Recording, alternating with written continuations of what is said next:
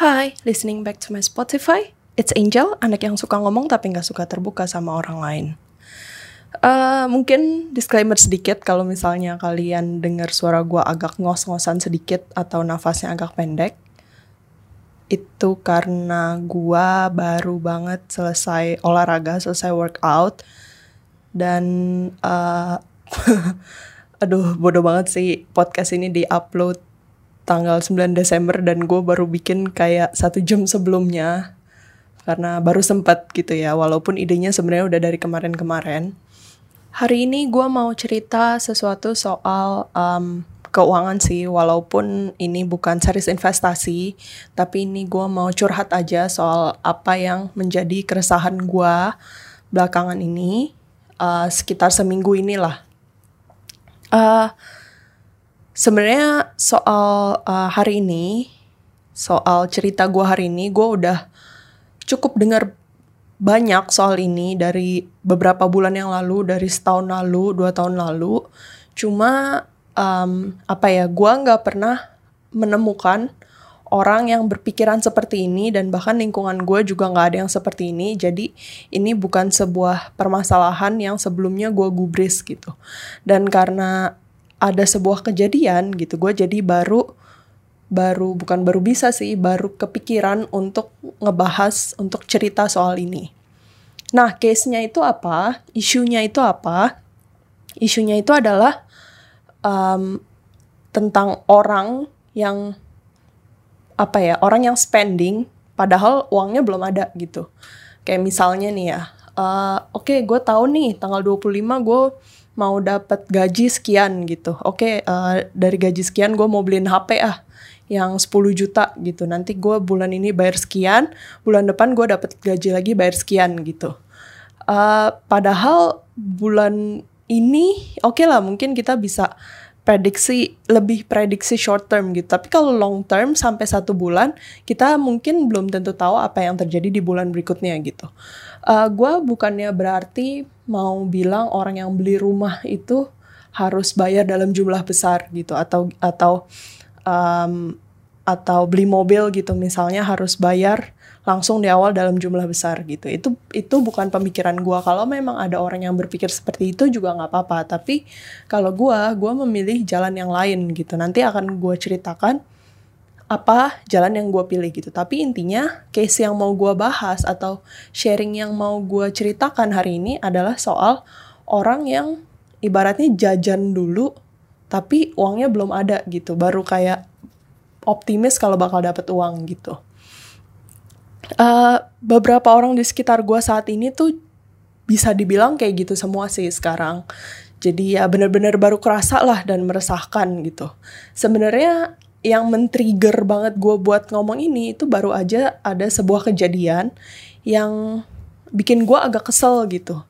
Dan pengen banget gregetan banget buat langsung banget bahas ini. Karena cukup meresahkan gue sih sejujurnya. Tapi gue nggak akan go into very detail tentang kejadiannya kayak apa.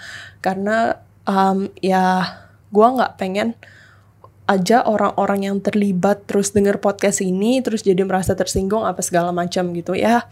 I mean gue bukan people pleaser sih cuma maksudnya um, ya mungkin ada orang-orang yang berpikiran tidak sama kayak gue dan is fine juga gitu. Jadi makanya gue lebih baik tidak menceritakan detail tentang kejadian yang baru saja gue alami gitu.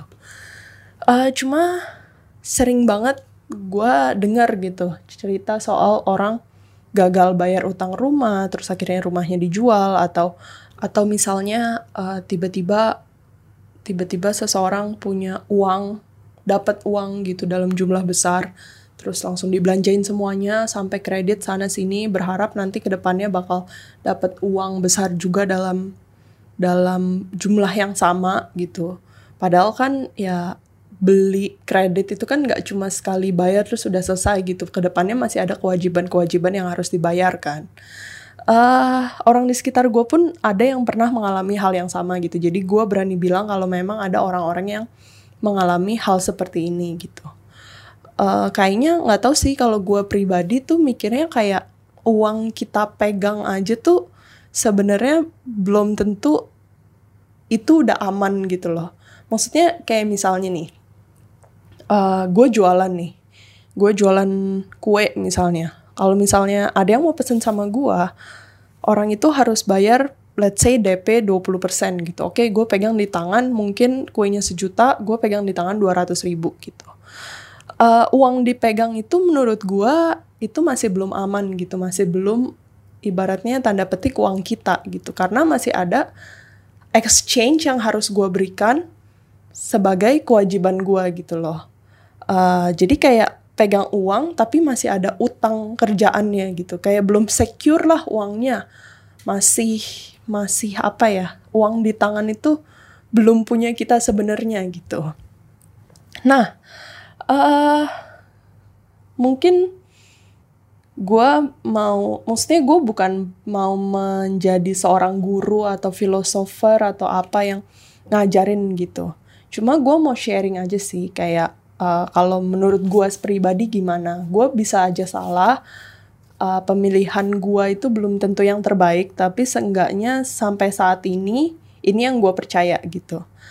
Uh, gue itu sampai sekarang usia gue 26 tahun, gue masih belum punya yang namanya kartu kredit. Um, gue punya sih kartu kredit, tapi atas nama uh, orang tua gue gitu. Jadi kalau gue beli apa pakai kartu kredit masuknya ke mereka. Jadi intinya gue sendiri belum punya kartu kredit yang di mana gue akan berhutang gitu. Jadi gue jujur nggak tahu gimana rasanya berhutang. Gue nggak tahu berhutang itu kayak apa gitu. Gue mulai berpikiran bahwa sebisa mungkin gue harus bayar pakai yang namanya cash gitu. Ya mungkin kalau misalnya urusan yang agak mahal kayak uh, bukan agak mahal sih mahal banget maksudnya kayak rumah kayak beli mobil kayak mungkin beli motor beli apa yang uh, mahal gitu mungkin nggak bisa lah memang bayar cash di awal gitu. Tapi gue akan mencoba sebisa mungkin untuk semua barang yang gue beli itu pakai cash sebisa mungkin ya judulnya sebisa mungkin. Dan kalaupun misalnya kayak tadi gitu uh, kalau beli rumah gitu terus gimana? Masa gue bayar di awal gitu kan semuanya? Kan susah banget gitu ngumpulin uangnya gitu kan.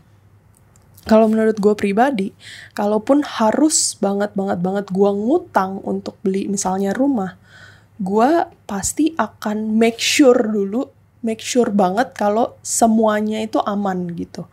Misalnya gue siapin dana darurat yang lebih besar dari biasanya gue paksa diri gue sendiri untuk kurangin impulsive buying, untuk mengurangi belanja hal-hal yang sebenarnya gue nggak perlu-perlu banget gitu. Uh, dan gue juga harus punya plan besar ke depan. Kalau misalnya tiba-tiba amit-amit pendapatan gue di-cut atau dipotong setengah atau gimana, gue harus sudah punya planning terus gue harus bisa dapat uang dari mana lagi gitu jadi ibaratnya kalau gue memang mau berhutang gue harus pikirin matang-matang apa yang akan terjadi dan apa langkah ah bukan apa yang akan terjadi apa hal yang mungkin terjadi dan apa langkah yang akan gue ambil kalau itu terjadi gitu. Jadi kayak worst case skenario nya gitu. Nah yang mau gue tanyakan adalah kalau kalian gimana sih pendapat kalian mengenai permasalahan ini gitu? Gue pengen tahu sih pendapat kalian soal mengeluarkan uang sebelum punya uangnya ini nih.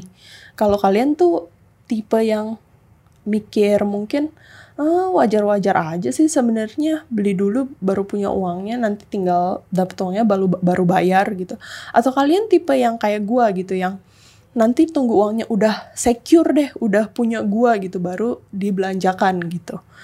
Um, mungkin kalau misalnya ada yang mau sharing uh, ya bisa ngobrol-ngobrol bareng gua deep talk karena gue juga suka deep talk. Dan mungkin podcast hari ini singkat aja nggak usah panjang-panjang ya. Karena juga ini uh, shootnya satu jam sebelum tayang gitu ya. And uh, mungkin sampai sini aja. And talk to you on next Friday. Bye bye